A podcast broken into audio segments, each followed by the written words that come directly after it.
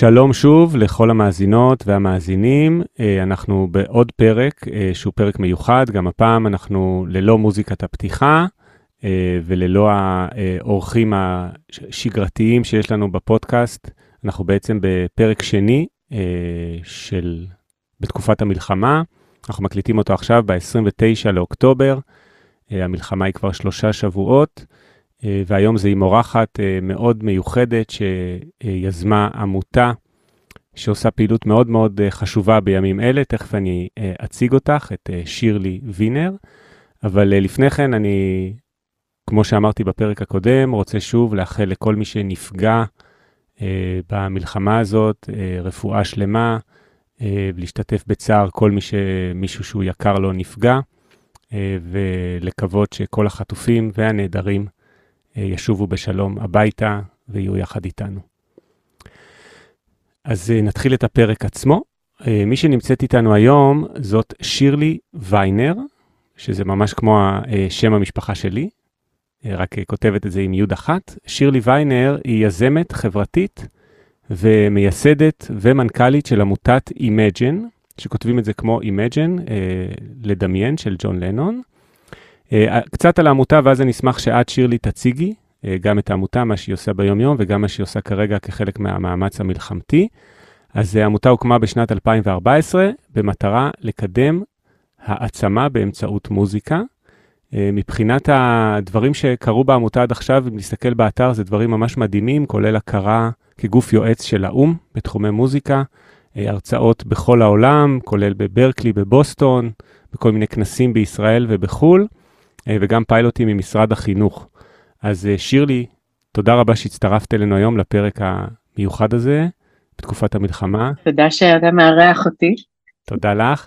אה, בואי תספרי אז על העמותה גם ביום-יום וגם מה היא עושה כרגע ב... כחלק מהמאמץ. אמ, אז אני אתחיל לספר קצת על עצמי אמ, ועל המקום שהביא אותי לפתוח את העמותה. אז אמ, מאז שאני זוכרת עצמי מאוד מאוד מחוברת למוזיקה, בעיקר שרה, קצת כותבת וטיפה מנגנת, לא ממש הצלחתי להיות אה, חניכה מצטיינת של החינוך המוזיקלי, אה, אבל מאוד מתעסקת בעולמות של חינוך, כבר בערך 25 שנה. אז גם יש לי ילד בן 20 שהוא על הספקטרום האוטיסטי, מה שחיבר אותי מאוד לעולמות ההורים המיוחדים והצרכים המיוחדים. ו- וקצת משם בעצם צמחה עמותה מהרצון לבוא ולהביא משהו שהוא אה, אלטרנטיבי לחינוך המוזיקלי אה, המוכר אה, של הקונסרבטוריונים ושל בתי הספר המנגנים וכל הנושא של למידת תווים וכלים. לנסות לראות באמת איך מביאים את המוזיקה, ממש עשייה של מוזיקה, לא רק מעגלי מתופפים ופרקשנס, אמ, לתוך, ה, אמ, לתוך העולמות של, של חינוך אה, ולהגיע למגוון מאוד גדול של אוכלוסיות. באמת, לאורך השנים שלנו, אה, היו לנו קרוב לעשרת אלפים משתתפים, כמעט בכל מקום בארץ, מכל הגילאים, מכל רמות התפקוד, מכל סוגי המוגבלויות, ולא רק מוגבלויות, אמ, גם אה, אנשים שעברו מצבי משבר, העמותה בעצם הוקמה ממש ממש אה, בצמוד לצוק איתן, אז כבר שם היינו אה, יוצאים לשטח ועובדים עם ילדים ומשפחות שפונו מבתיהם. אמ, וכל העבודה הזאת בעצם, ומחקר שעשינו סביבה, הראו לנו מאוד המקום של המוזיקה בחיים. לא שלא ידענו את זה מקודם, לא שלא הכרנו את הנושא הזה, אבל זה נתן לנו spotlight על כמה למוזיקה יש impact עלינו כבני אדם, מרמת תפקודים של המוח, ובטח ברמה של uh, רגשי נפשי. Um, ובאמת uh, עניין אותנו לראות את, הנתונים, את המשמעות של זה, ונדהמנו uh, לראות באמת את, ה, אפקט שלא רק המוזיקה עושה על התלמיד או על המשתתף בתוך השיעור עצמו, אלא מעין ריפל אפקט, אפקט כסובב כזה של ה-well-being שמשתפר, הרמות חרדה שיורדות, הרמות של אה, אה, תסכול שיורדות, זאת אומרת, הרבה מאוד דברים שאפשר לנהל אותם רגשית באמצעות עשייה מוזיקלית. ואנחנו יודעים את זה, זה לא דבר שהוא חדש, זה דבר שנחקר המון בשנים האחרונות, הנושא הזה של ההשפעה של מוזיקה על המוח שלנו, מהיכולת שלה להרגיע אותנו, והיכולת שלה להרים אותנו ולעודד אותנו, להכניס מוטיבציה ואנרגיה לגוף, להשפיע אפילו על, על, על הזרימה של הדם המיטבית בגוף, ומהעולמות האלה של בטח כל העולם של טיפול במוזיקה, שחשוב לי מאוד מאוד מאוד להדגיש ש Imagine לא עושה טיפול במוזיקה, ממ-הממ. אבל כן במקומות של טיפול במוזיקה נכנסים כבר מאוד לעומקים של צלילים מרפאים, כל מיני רזוננטים של אה, צלילים מסוימים, אה, ממש מייצרים אצלנו בגוף אה, תגובתיות מרפאה. אבל אנחנו בהחלט עובדים בשוליים של, של המקום הטיפולי, אנחנו פשוט מתעסקים יותר בהעצמה. ובעבודה קבוצתית, כי אנחנו מאמינים שיצירה של מוזיקה בקבוצה, הכוח הזה של כמה אנשים, ואנחנו רואים את זה מאוד עכשיו במלחמה, את החיפוש שלנו, קבוצת שייכים לאיזשהו משהו קבוצתי, כולנו. יש לו משמעות מאוד אה, עמוקה. אז באמת, Imagine אה, חרתה על דגלה, ובגלל שאנחנו באים אה, מעולמות החינוך, אז מדובר גם בפדגוגיות כתובות, במערכי שיעור, בתוכניות מסודרות שנכנסו דרך מערכת הגפן של משרד החינוך ועובדות במלא מקומות. הרעיון הוא באמת אה, לייצר איזושהי סיסטמה של הפנמת ידע מוזיקלי שמונגשת ומכילה לכולם. וכשאני אומרת לכולם, באמת חשוב לי להגיד שעבדנו והכל, בכל מקום, ממחלקות של ילדים מונשמים, וואו. אה, ועד, כן, באמת, במקומות שיקומיים, טיפוליים מאוד מאוד מאוד מאוד קשים, עדי ירושלים ועדי נגב. אה, במקומות שאנחנו באמת מאמינים שהמוזיקה אה, מביאה שינוי משמעותי. ואני חייבת להגיד שאני מרגישה את זה כל כך מהדהד במציאות שאנחנו נמצאים בה היום. אומרת, אני חושבת שמוזיקה היא כלי מאוד מאוד חשוב עכשיו, שאנחנו חייבים להשתמש בו ברמה היומיומית, גם אנחנו כבני אדם, אתה יודע, אני בדרך כלל בן אדם שמכור לפלייליסטים שלו ושומעת מוזיקה בכמויות כל יום, ואני שמתי לב שבשבוע הראשון לא שמעתי מוזיקה בכלל. לא נגעתי במוזיקה, פתאום הבנתי שכאילו, יש לי ריק ו- ועצב ו- וקושי כזה גדול, שאפילו לא היה מקום למוזיקה להיות בו.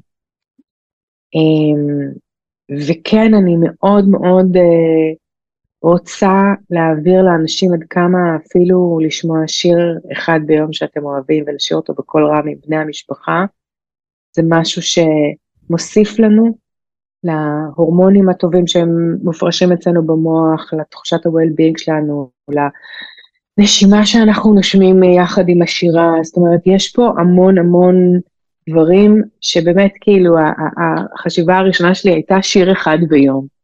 להתחיל להנחיל את זה, כאילו, אתה יודע, כמו שאתה מצחצח שיניים פעמיים ביום, שיר אחד ביום. תקשיבי, אני חייב רגע לעצור אותך. קודם כל, זה, זה ממש אה, מדהים כל מה שאת אומרת, ואני ממש מסכים עם כל דבר. זה גם מתחבר לגמרי לפרק הקודם שהקלטתי, שזה בעצם הפרק הראשון, אה, פרק מלחמה שעשיתי אותו סולו, שקראתי לו מוזיקה ככלי לריפוי הנפש, אה, ושזה בעצם הרצאה שאני מעביר עכשיו כבר כמה פעמים בזום לכל מיני קהלים, על באמת בתקופה הזאת, איך מוזיקה יכולה להיות כלי לריפוי הנפש, וזה בדיוק הדוגמאות שאמרת, כלומר, באמת יש מחקרים, כל מה שאת אומרת הוא ממש הרי מגובה מחקרית, יש מחקרים שמראים שעשיית מוזיקה, הקשבה למוזיקה מפרישה במוח את ההורמון הדופמין בעצם, המוליך העצבי דופמין, שזה גורם לנו לאיזו תחושת עושר כזאת, וגם הדוגמה שאמרת על צחצוח שיניים, זה משהו שגם אמרתי בשתי ההרצאות שהעברתי עד עכשיו, שאם כולנו דואגים לבריאות הגוף הרי באופן יומיומי, כחלק מהחיים שלנו, אין בן אדם בעולם, אני מקווה, שלא מצחצח שיניים, אה, לפחות פעם, פעמיים ביום, נגיד את זה ככה, נכון? לא יכול להיות שבן אדם, אנשים לא מצחצחים חצי שנה. אז ככה, באותה מידה שאנחנו דואגים פיזית, בריאותית לגוף, חשוב לנו גם לדאוג למוח ולנפש, אז אני ממש מתחבר לכל מה שאמרת עד כה. אני רוצה להגיד את זה גם, זה, זה פחות התקופה שאני, אתה יודע, זה פחות ה mindset שלי שם, אבל אחד הדברים שאני אה, אה, טוענת זה שנורא ברור לנו, בתוך מערכת חינוכית, שיש אה, שיעור חינוך גופני מא' ועד י"ב. נכון. מצד שני, לנפש, לרגש, למקום הפנימי הזה שלנו, אין כמעט אה, נגיעה. ושיעורי האומנות, בתוכם גם שיעורי המוזיקה, אה, הולכים ומדלדלים בבתי הספר. ואני, היה חשוב לי להתראיין אצלך, ואתה יודע, והתחלנו לדבר על זה לפני זה, אני חושבת שזה חובה שזה יחזור עכשיו לחיים של כל הילדים שלנו, כי המלחמה הזאת שאנחנו עוברים, היא החוויה השלישית הטראומטית שהילדים שלנו עוברים בשלוש שנים האחרונות, שהתחיל בקורונה, בבידוד חברתי ובחוויית אה, חרדה אה, קיומית, ועבר למבצע צבאי, ועכשיו מלחמה, והשלוש שנים האלה הם שלוש שנים סופר קשות, רגשית, מלאות בחרדות, מלאות בפחדים, מלאות ב, אה, בחוסר מוטיבציה, בחוסר יכולת להתרכז, אה, בחוסר יכולת להכיל בכלל עכשיו אה, תפיסת לימודים, ואתה, אני, אני משתתפת בכמה שיותר שיח סביב הנושא הזה של אנחנו כל הזמן נורא נורא שואפים לחזור לשגרה, ואני אומרת, לאיזה סוג של שגרה אנחנו צריכים לחזור? כי אנחנו לא יכולים לחזור עכשיו לשיעורי מתמטיקה ואנגלית, ואתה יודע, משוואה ריבועית, וחייבים שנייה להבין שגם החזרה לשגרה צריכה להיות uh, שגרה הפגתית כזאת בהתחלה, צריך לתת לילדים המון אפשרות לבטא את עצמם, אה, לבטא את הרגשות שלהם, את הדברים שעוברים עליהם אה, באמצעים שהם לא בהכרח ורבליים. לא כולנו יודעים לבוא ול, ולהגיד את הרגשות שלנו בצורה מאוד אה, ברורה ופשוטה, ומוזיקה היא, דרך מדהימה לעשות את זה, זאת אומרת, לתת לילד להביע את עצמו באמצעות כלי, וכאן אנחנו בעצם נכנסים בשביל לסגור את הגאפ הזה, שאם אנחנו מתייחסים ל... חינוך מוזיקלי, אה, אתה יודע, קונסרבטיבי. אמ, אז הלמידה של הכלי והתהליך, ועד שאתה מסוגל להיות אה, במקום שאתה מסוגל להביע את עצמך באמצעות כלי, לוקח המון זמן, כן. זה משהו שאנחנו מקצרים ב Imagine, כי אחד, אנחנו משתמשים בשפת תווים שהיא שפה אלטרנטיבית ובנויה על צבעים וצורות, ולכן מאוד קל לקרוא אותה. דבר שני, יש לנו המון כלים אה, שמנגישים את הנושא הזה של הנגינה, במיוחד אייפד, אה, שהוא כלי מוזיקלי לכל דבר, והוא מכיל אפליקציות מטורפות שבאמצעותם אנחנו מתעסקים הרבה מאוד בג'מים, זאת אומרת, מחזיקים איזשהו קצב בקבוצה, וכל פעם האייפד עובר לתלמיד אחר שפשוט מאלתר בתוכו. וואו. והאלתור הזה, זה, זה, אתה יודע, זה כמו, זה כמו ריקוד חופשי, זה כמו... אה, אה, אה, מנסה לחשוב על, כמו ציור חופשי, זה, זה בעצם איזשהו משהו שאנחנו לא מגבילים אותו.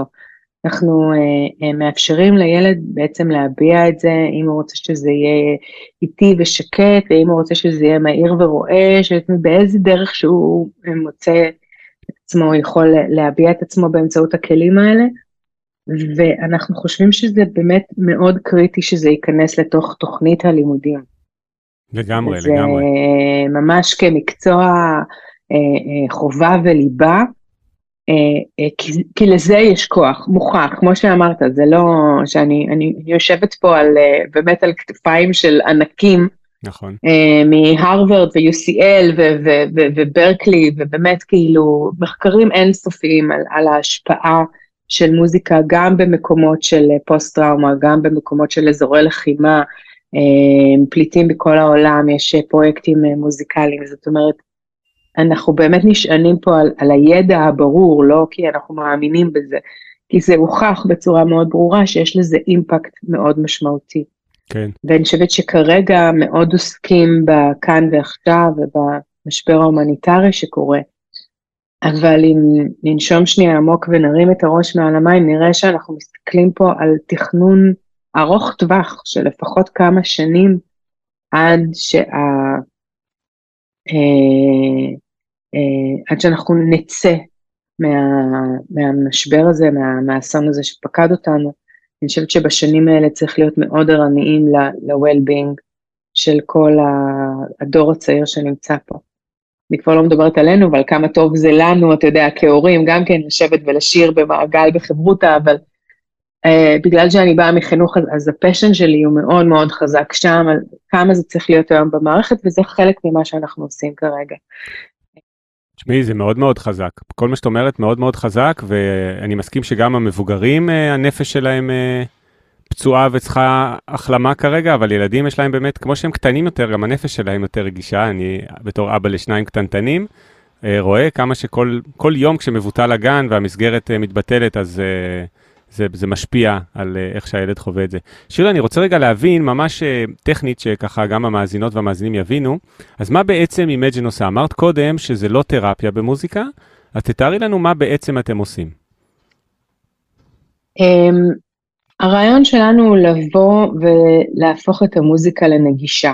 אני חושבת שהחוויות של רוב המבוגרים שאני פוגשת בחיים שלי, אה, שאני שואלת אותם אם הם מנגנים משהו, שהם עוסקים במוזיקה, אז יש, כולם נושאים איזה מין צלקות כאלה, מהמורה הקשוח שהיה להם בקונסרבטוריון, או מהמורה למקהלה שאמרה להם שהם מזייפים, או מלא הצליחו ללמוד תווים, או כל מיני דברים כאלה, ואנחנו רוצים להוריד את, ה, את החסמים האלה. אנחנו רוצים להפוך את המוזיקה למשהו נורא אינטואיטיבי, נורא מיידי.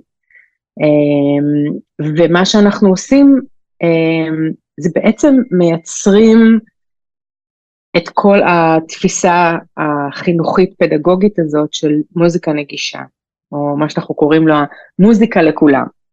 אמ, אז בדרך כלל תהליך יהיה שאנחנו אה, נכנסים לתוך אה, קבוצה של ילדים, אנחנו מלמדים אותם את השיטה הראשונית של התווים שלנו. השיטה של התווים שלנו מגיעה מפינלנד, נקראת פיגרנוט, ובנויה בעצם על צבעים וצורות. אמ, והדבר הזה מאפשר, כי בעצם צדעים וצורות זה המשגה מאוד מאוד בסיסית שלנו, איפשהו בגיל שלוש, זאת אומרת שגם אה, אוכלוסיות עם הנמכה קוגניטיבית יכולים לקלוט את השיטה הזאת מאוד מאוד בקלות. וזה הופך אותה, אה, אה, זה מאפשר בעצם לנגן איתה מיידית. זאת אומרת, כשאני אומרת מיידית, אז יש לנו מין סדנה כזאת שאנחנו עושים הרבה פעמים לחברות הייטק, שאנחנו נקרא שיר בשעה. אנחנו באים עם כמה סקציות של כלים, ובתוך שעה מעמידים שיר, בקבוצה של אנשים שמעולם לא ניגנו.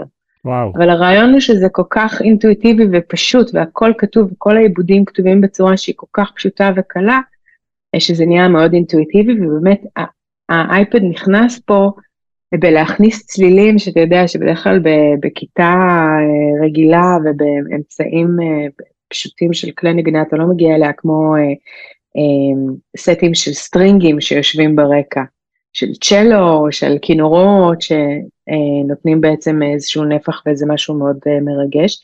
עכשיו גם האפליקציית אייפד שאנחנו עובדים בה, אה, היא בעצם הכניסה לתוכה את הפיגר נוט, זאת אומרת שהצבעים נמצאים גם באייפד, זאת אומרת כשאנחנו כותבים עיבוד, אז הוא מתאים לכל הכלים שאנחנו עובדים איתם. אנחנו בדרך כלל עובדים עם אה, קסילופונים, שמסודרים לפי השיטה, לפי הצבעים של השיטה. בום אה, וואקרס שהם בעצם מין מוטות אה, פלסטיק, צינורות פלסטיק כאלה שיש להם גם אה, צליל, אייפדים וכלי הקשה. כשיש לנו קבוצות מתקדמות, גם יוקללי נכנס וקלידים נכנס כי גם הם עם המדבקות. והמטרה היא בעצם להוריד לאנשים את הסטיגמות שמוזיקה זה קשה. מדהים. לתת לאנשים חוויה שמוזיקה זה, זה סופר קל, הנה טיק טק אנחנו מצליחים. ותוך שעה יש קבוצה של אנשים שמנגנת uh, מוזיקה ביחד. כן. מדהים. זה, זה, זה, זה הרעיון, זה האינטואיטיביות של הדבר הזה. ואחר כך על זה כמובן אנחנו מלבישים המון uh, משחקים, הרבה מאוד עבודה של קצב, כי בלי קצב, בלי ההבנה של קצב, בלי הפנמה של קצב, מאוד קשה לנגן ביחד, אנחנו מרגישים שזה הבסיס של הבסיס, אה, אבל גם כן עבודה בקצב מאוד, אה, מאוד כיפית, ומאוד, אה, שמאוד מערבת את התלמידים, לא דברים שבלונים.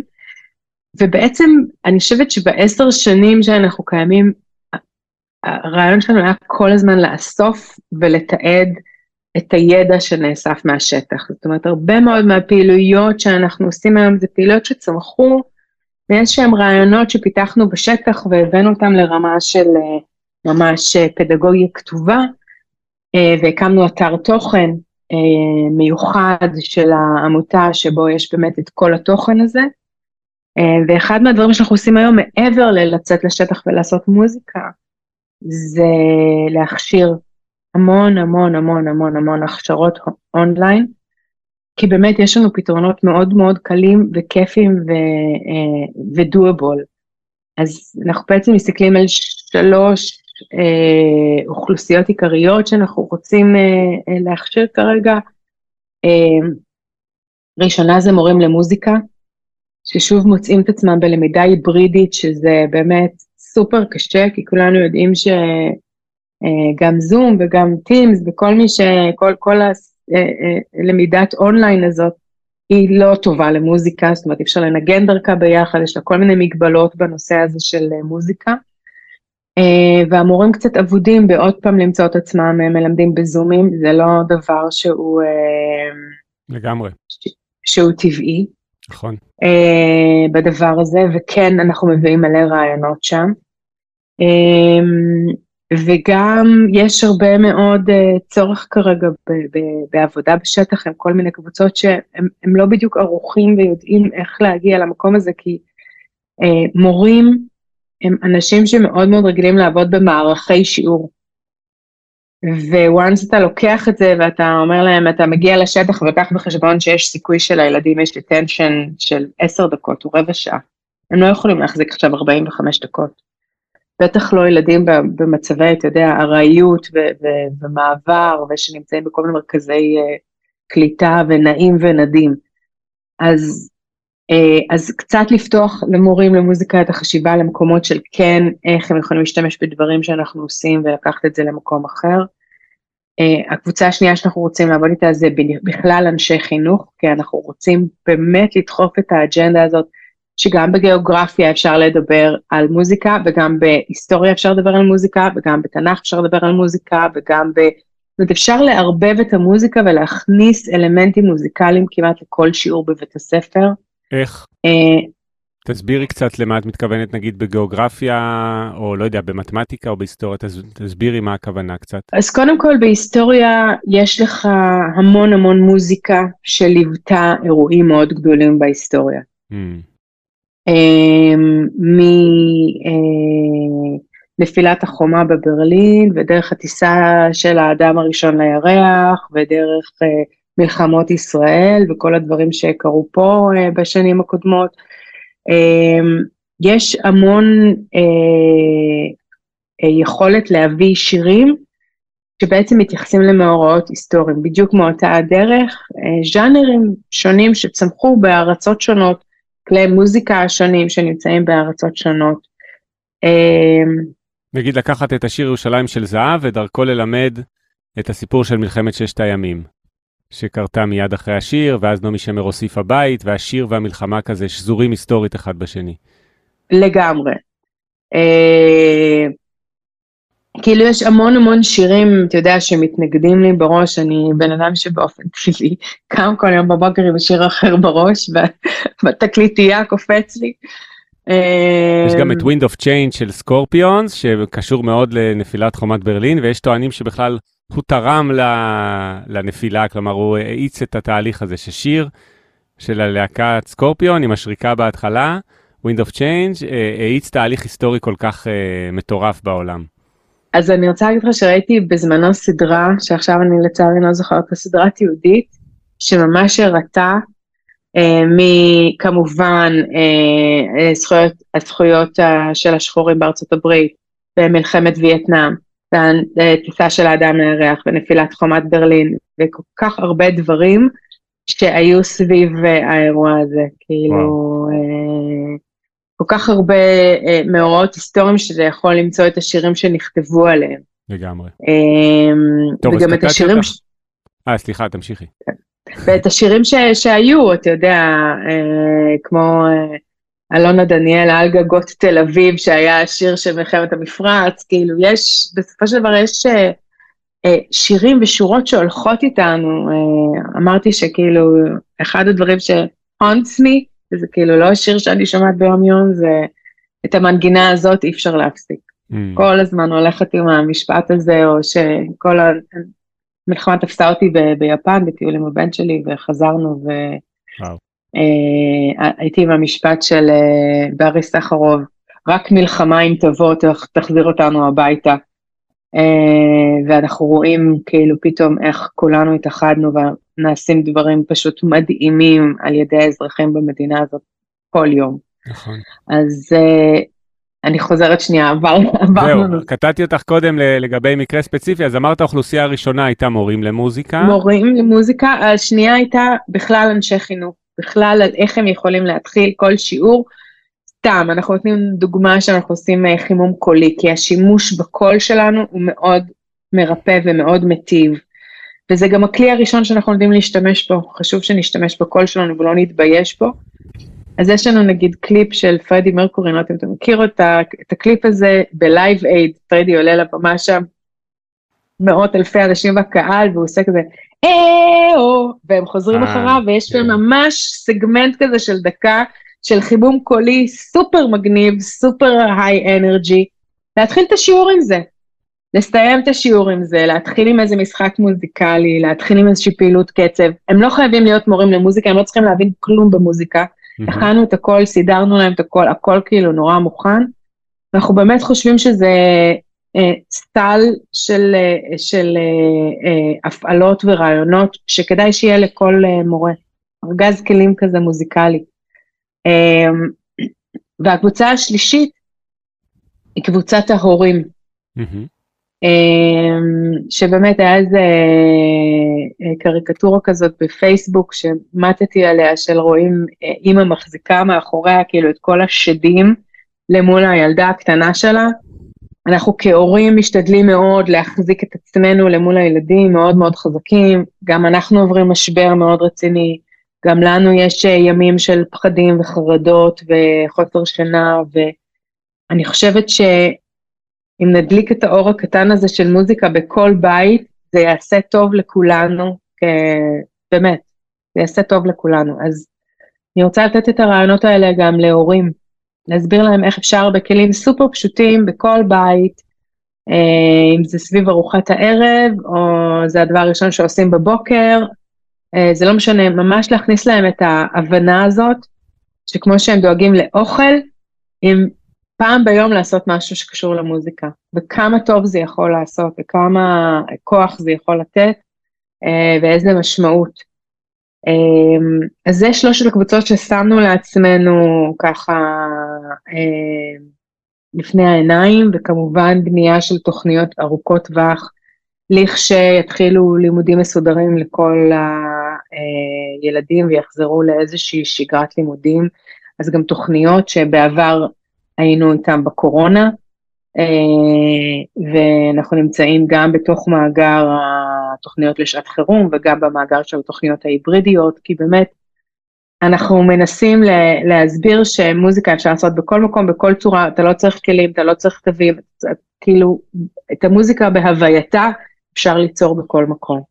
אה, וזה משהו שמאוד מאוד חשוב לנו אה, להעביר הלאה, כי באמת אנחנו, זה, ה-say שלנו, אה, גם בעולם, אה, כשאנחנו באים ואנחנו מדברים על העשייה שלנו, זה המון סביב הנושא הזה של באמת המוזיקה היא מיטבית לכולם, לכולנו יש מה להרוויח מלעשות מוזיקה. אה, וזה מאוד חשוב, אנחנו באמת מסתכלים, אני יזמת חינוכית, אני מאוד מאמינה שחינוך צריך להיות קצת יותר גמיש ו- ו- ופתוח ממה שהוא היום. ויש לי גם סטארט-אפ שאני בונה בתחום הזה של אה, באמת להביא איזשהו אה, אלטרנטיבה ואיזושהי דרך חשיבה חדשה לאיך מלמדים ואיך ניגשים לכל נושא הזה של ללמד מוזיקה. אמ, ובאמת, אה, אתה יודע, אני מאוד מקווה להגיע לאנשי חינוך ומקבלי החלטות ולהסביר עד כמה המוזיקה חשובה היום.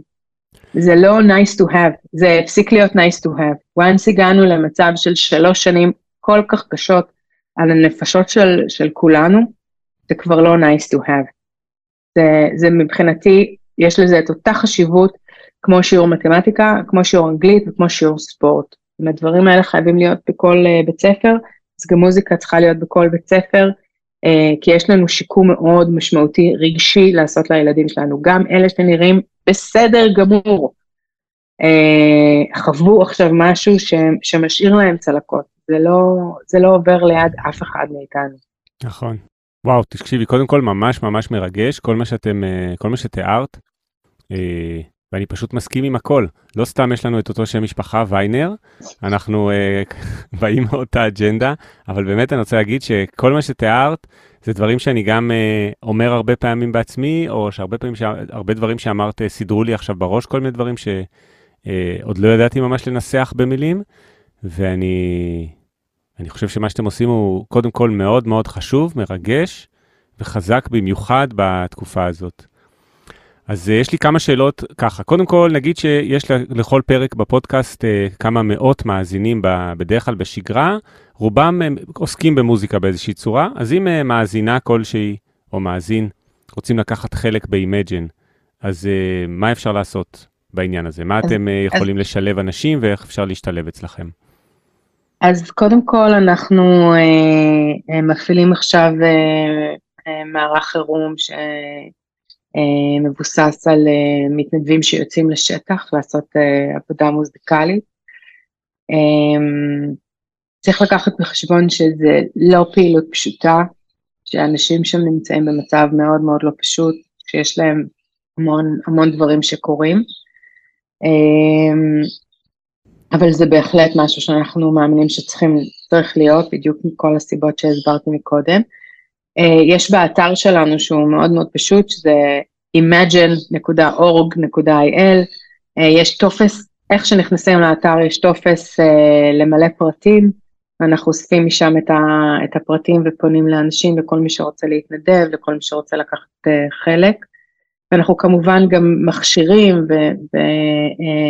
ונותנים ציוד מתאים לעשות את הפעילות, אז מאוד היה חשוב לי שנסביר את הדבר הזה.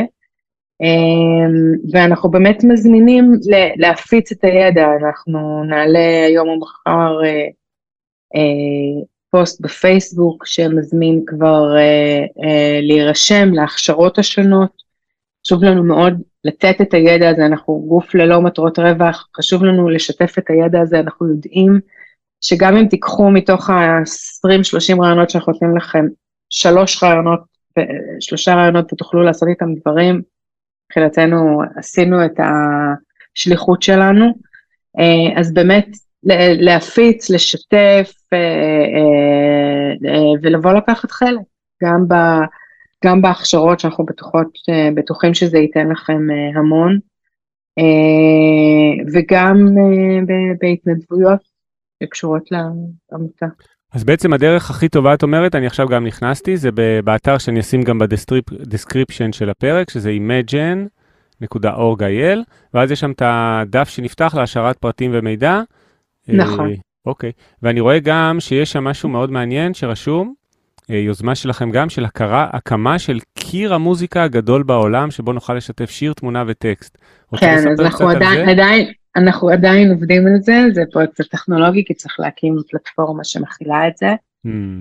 אבל אני הרגשתי שמלא אנשים רוצים להקדיש שיר, שוב, כי אנחנו כל כך מחוברים בליבנו למוזיקה, שאני מבטיחה לך שכל אחד מאיתנו מתרוצצת איזה שורה משיר עכשיו, אה, כמו שאמרנו מקודם, של ברי סחרוב, או של את המנגינה הזאת אי אפשר להפסיק, ואלף פעמים כבר אה, אה, כולנו רקמה אנושית אחת חיה, והמון המון אה, מילים כאלה ש...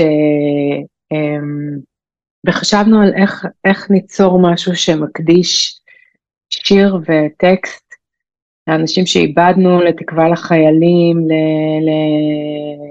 לדש לחטופים, כאילו, למצוא מקום להתבטא בו. כי יש לנו את הפייסבוקים, אבל זה, זה מאוד אחרת שם, זה לא מחובר במוזיקה אני חושבת שאפילו יש איזה מין אתה יודע, כאילו, עוד, עוד קצת קשה לנו לשמוח, עוד קצת קשה לנו לשים משהו ש, שעושה מצב רוח, ואפילו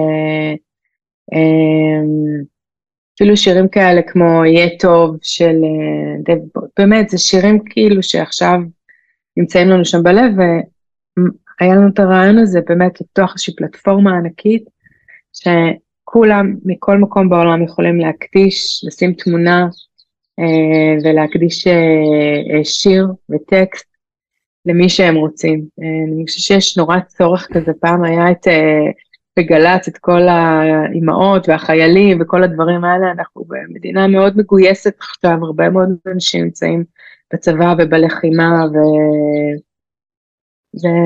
ורצינו להביא אנרגיה טובה גם דרך הדבר הזה, אני מקווה שזה יעלה בשבוע הקרוב, בתהליכים של עיצוב ובנייה. וואו, חשוב מאוד נשמע.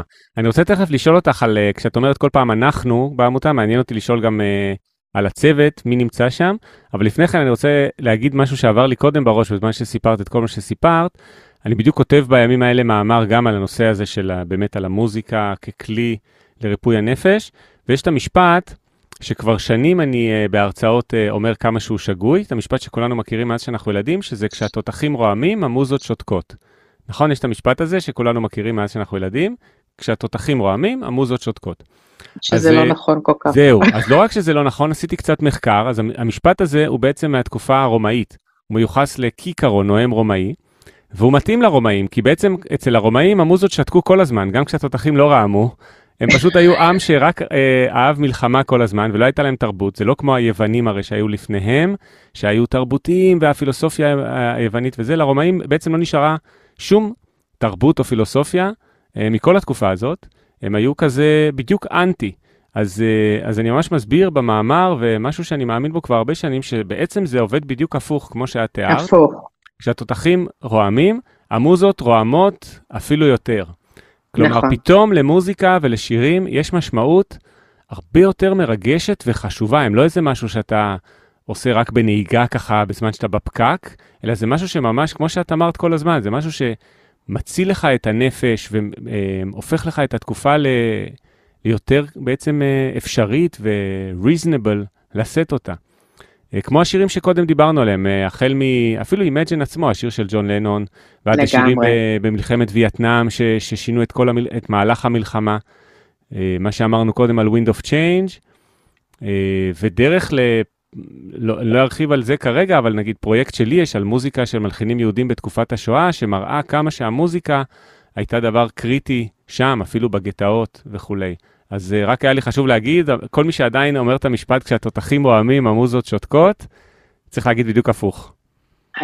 אני מסכימה איתך לחלוטין, ויותר מזה, אם נתבונן סביבנו, נראה יצירתיות אנושית ברמה שמאוד מאוד קשה לראות ביום. נכון. אנשים לא מחכים לכלום. כאילו רק השבוע תרמתי פה אה, ריהוט, לדירה של איזו קבוצה של חמישה חבר'ה שהיו ביחד בתיכון או בצבא, ופתאום השיגו דירה, וריהטו אותה בתוך שלושה ימים, כאילו, הרמה של ההירתמות והרמה של היצירתיות, וזה אגב מדעי המוח, באמת, כשאנחנו נכון. נמצאים במצבי לחץ, מופרשים אצלנו במוח אה, חומרים שגורמים לנו להיות יותר יצירתיים, יותר אה, חושבים על כל מיני דברים. אז אני מסכימה איתך לגמרי, המוזות ממש לא שותקות, ואנשים מאוד יוצרים, יש פשן מאוד גדול ליצירה באופן טבעי מתוך הדבר הזה. תראה את כל הבישולים, גם בישול זה, זה איזשהו תהליך של יצירת יש מאין. נכון. אה, וכולם נורא מבשלים, באוכל, כאילו העיסוק הזה באוכל. אה, אז באותה מידה אני מסכימה איתך לגמרי, זה, זה מקום מאוד מאוד חזק עכשיו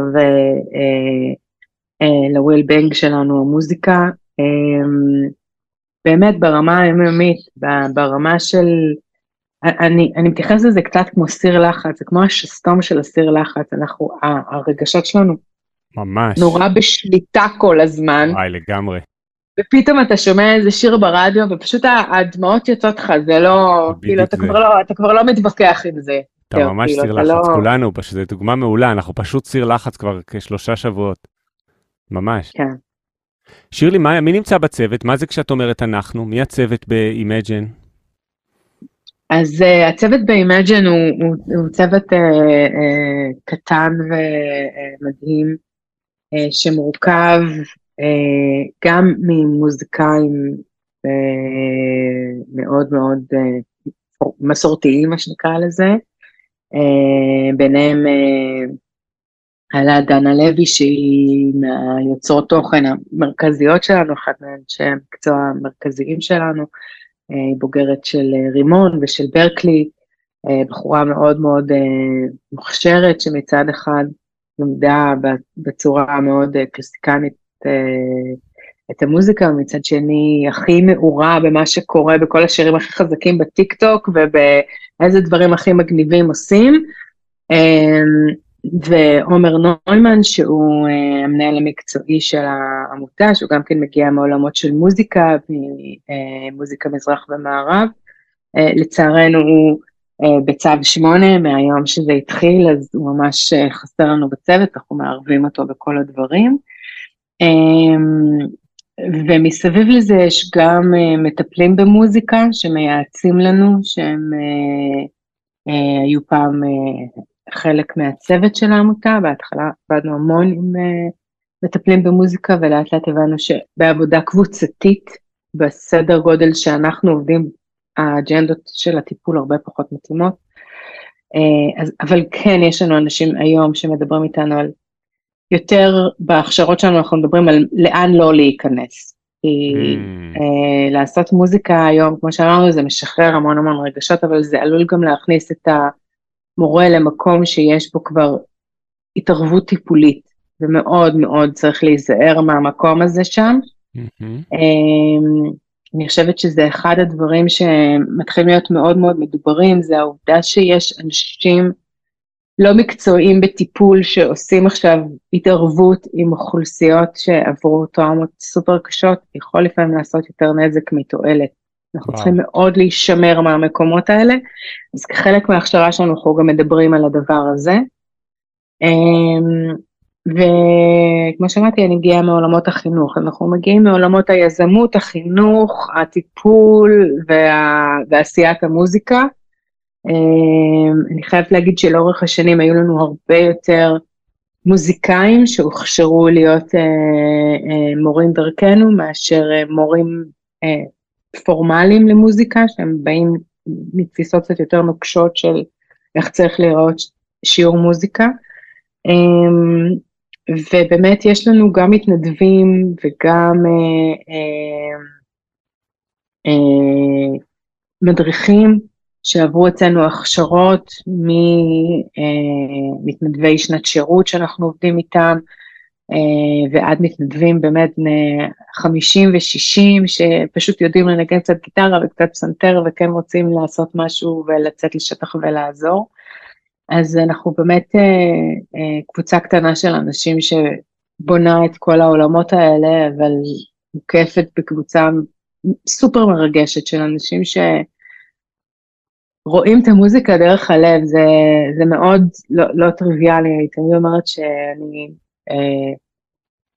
לעבוד בתוך הקבוצות האלה שעברו חוויות חיים כאלה קשות, אה, גם אם זה אוכלוסיות צרכים מיוחדים מאוד קשות, וגם עכשיו כשמדובר באנשים שנמצאים בטראומה, אה, זה דבר שמצריך נפש מסוימת, זה לא תמיד הידע המקצועי הפרופר, שאם יש לו תעודת הוראה או אין לו תעודת הוראה, אלא היכולת של בן אדם לעמוד מול קבוצה ולגעת בה ולראות את כל אחד מהמשתתפים ולהסתכל עליו בגובה העיניים ולהיות מסוגל באמת אה, להעביר איזושהי חוויה מאוד מרגשת לקבוצה.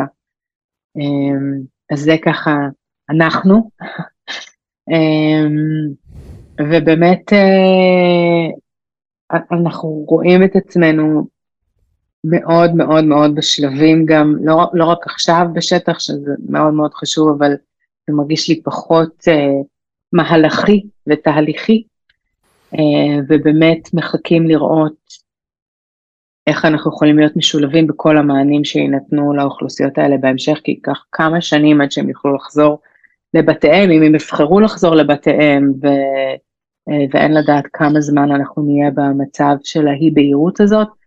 אמ, ובאמת זה, זאת השליחות שלנו עכשיו, להעביר את הידע, להעביר את הרעיון להילחם על התקציבים שצריכים להיות מופנים לדבר הזה, מהרבה, מהרבה נושאים אחרים שלדעתי מאבדים משמעות בתקופה כזאת. וואו, לגמרי. טוב, תראה, אנחנו כבר לקראת סיום. קודם כל, אני, אני מאוד מתרגש מה, מכל מה שנאמר פה בפרק, ולי זה כבר עשה ככה איזשהו אה, ריפוי נפשי קטן, לשמוע אפילו מה אתם עושים, מבלי שלקחנו בזה כרגע חלק מעשי. ו, ואני קודם כל אה, חושב שכמו שאמרתי, שמה שאתם עושים הוא, הוא סופר חשוב בשגרה, ועכשיו הוא מקבל אה, באמת חשיבות אה, אף יותר. אה, וזה מאוד מתחבר לדברים ש...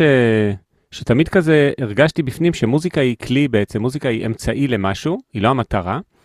ולפעמים מוזיקאים לא תמיד חושבים את זה, ואני אתן שתי דוגמאות, באמת, כי מוזיקאים כל כך... לא, לא, אתה אומר את זה בעדינות מאוד מאוד אוקיי. גדולה. כן, כי מוזיקאים כל כך, את יודעת, כל היום בתוך הפסנתר, וכל סטקטו בכל צליל הוא כל כך קריטי לנו, ואני מבין את זה, אני מוזיקאי בעצמי, אבל אני אתן שתי דוגמאות שאני, בחיי היום-יום, שכמה שאני, אני בעצמי חושב שמוזיקה כאמצעי ל...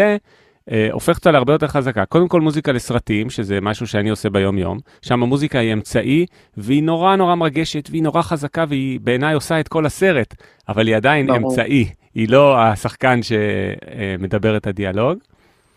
אמ, ומה הייתה הדוגמה השנייה שרציתי להגיד? עכשיו ברחה לי הדוגמה השנייה. ברחה לי הדוגמה. השנייה שרציתי להגיד. אז אני, אז אני אגיד משהו קטן, אולי זה יזכיר לך. בשיחות שלי הרבה עם אנשי אקדמיה של מוזיקה, מתקשים לראות את המקום. אני, בגלל שאני לא באה מהעולם הזה, נורא קל לי להסתכל על זה אחרת, כי אני מסתכלת על ה-added value החינוכי כל הזמן.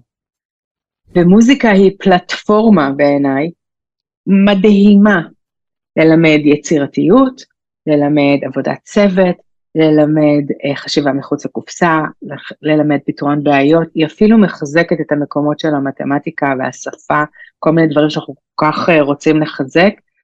אמ, ודווקא באקדמיה יש איזו התייחסות למוזיקה כאיזה holy thing שאסור לגעת בו ואין לערבב אותו עם דברים אחרים, וכאילו כל המחשבה הזאת של אה, אה, אה, שילוב מקצועות, עושה, עושה להם קצת צמרמורת, ואני, להפך, אני, אני חושבת שזה הכוח של המוזיקה. אני מסכים. הכוח של המוזיקה שהיא נכנסת לכל כך הרבה רבדים, שיש לנו תוכנית שלמה שבנינו שנקראת מסעות מוזיקליים, שמסבירה את ה... כאילו לאורך העשורים, את השינוי נגיד במוזיקה הישראלית, מה היה ואיזה סטייל, ואיך כתבו טקסטים ומי היו הכוכבים, ו...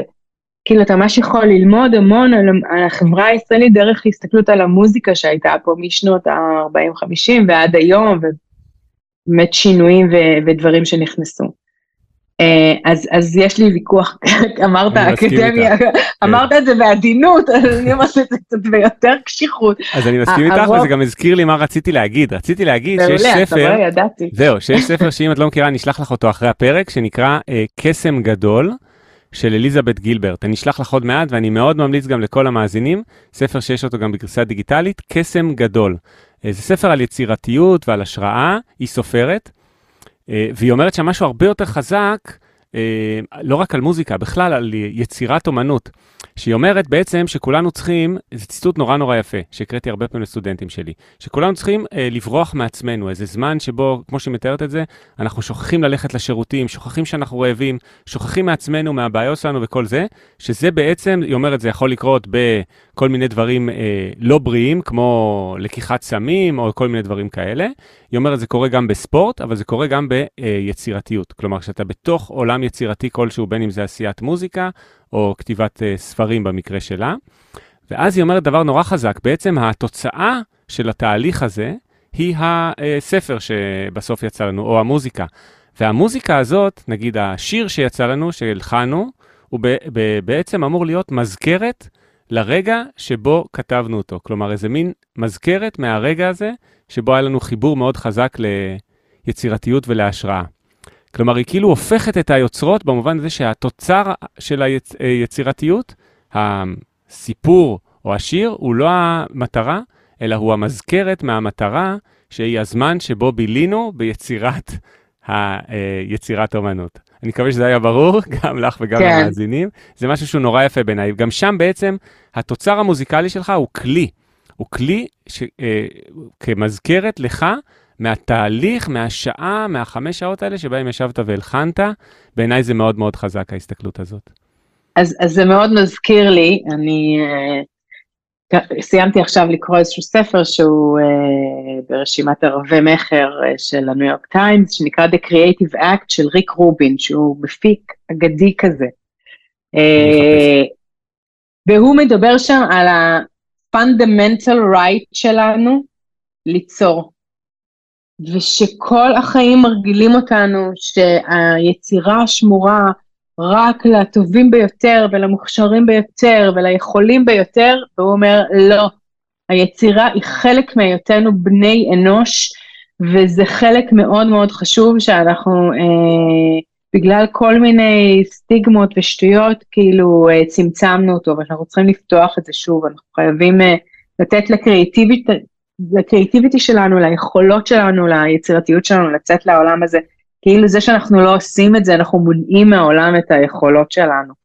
Uh, הגישה שלו גם כן, uh, שלא מסתכלת על האליטיסטיות של יצירתיות, אלא להגיד, כל אחד uh, יכול ליצור, אתה יודע, בדברים שלו וזה. וואו. אז, uh, אז כן, אני לגמרי מתחברת למה, וואו, למה שאתה יופי. אומר במקום הזה של יצירתיות, ו, וכמה זה, בסופו של דבר אנחנו אפילו לא שמים לב כמה זה עושה לנו טוב. נכון. שירלי, ממש לקראת סיום, האם את מרגישה שיש משהו חשוב שאת רצית עוד להגיד ושלא נאמר לגבי הפעילות שלכם כיום או בכלל? Um, אני חושבת שעברתי על כל הדברים שמאוד היה חשוב לי uh, לדבר עליהם. Um, אני באמת מאוד מקווה שאנחנו נגיע לעשות uh, uh, את כל מה שאנחנו חולמים. אמן ואמן. בשטח, ואני אשמח שמי שמעניין אותו גם יעקוב אחרי הדף שלנו בפייסבוק, אנחנו נעלה שם את הדברים, יכתוב לנו באתר. אנחנו רוצים מאוד מאוד מאוד להיות מחוברים לקבוצות של, של אנשים ש, שזאת, שזאת העשייה היומיומית שלהם. זה מאוד חשוב לנו. אז אני אשים את, ב description של הפרק גם את האתר של Imagine, כל מי שרוצה יכול לפנות שם, גם את הפייסבוק של Imagine, ומי שרוצה גם יכול לפנות אלייך, שירלי, בלינקדין או בפייסבוק, נכון? שירלי ויינר. כן. ומי שלא מצליח למצוא, אתם מוזמנים גם לפנות אליי. אז קודם כל לסיכום אני אגיד, שירלי, המון המון תודה על ההתארחות בפרק הזה, שיצא באמת מאוד מאוד מרגש עם דברים ש...